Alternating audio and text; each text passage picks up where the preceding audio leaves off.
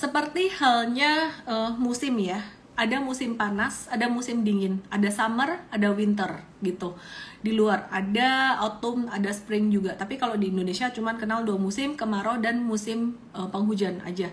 Nah, kalau di luar di musim dingin ketika winter tiba, aktivitas tuh melambat Demikian pula di perekonomian, di finansial ya.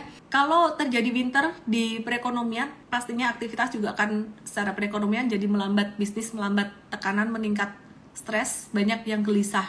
Apalagi ketika bisnis melambat saat ini, mungkin teman-teman harus mengencangkan ikat pinggang. Seperti contohnya mengurangi cost dan e, pengembangan jadi minim dan yang paling nyesek itu adalah ketika mesti harus layoff atau cut cut payroll gitu mungkin buat para pemilik bisnis buat teman-teman yang kerja mungkin itu juga satu hal yang paling nyesek gitu kalau misalkan mengalami PHK atau cut payroll dari atasan. Nah, tapi sebenarnya yang di sini saya pengen sampaikan ke teman-teman semuanya, jangan takut dengan resesi. Jangan takut dengan ancaman resesi gitu loh. Karena sebenarnya ada kesempatan di balik setiap tantangan.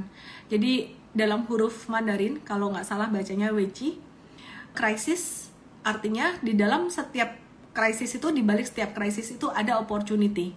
Jangan takut teman-teman dengan krisis, dengan kata-kata resesi, sabar aja.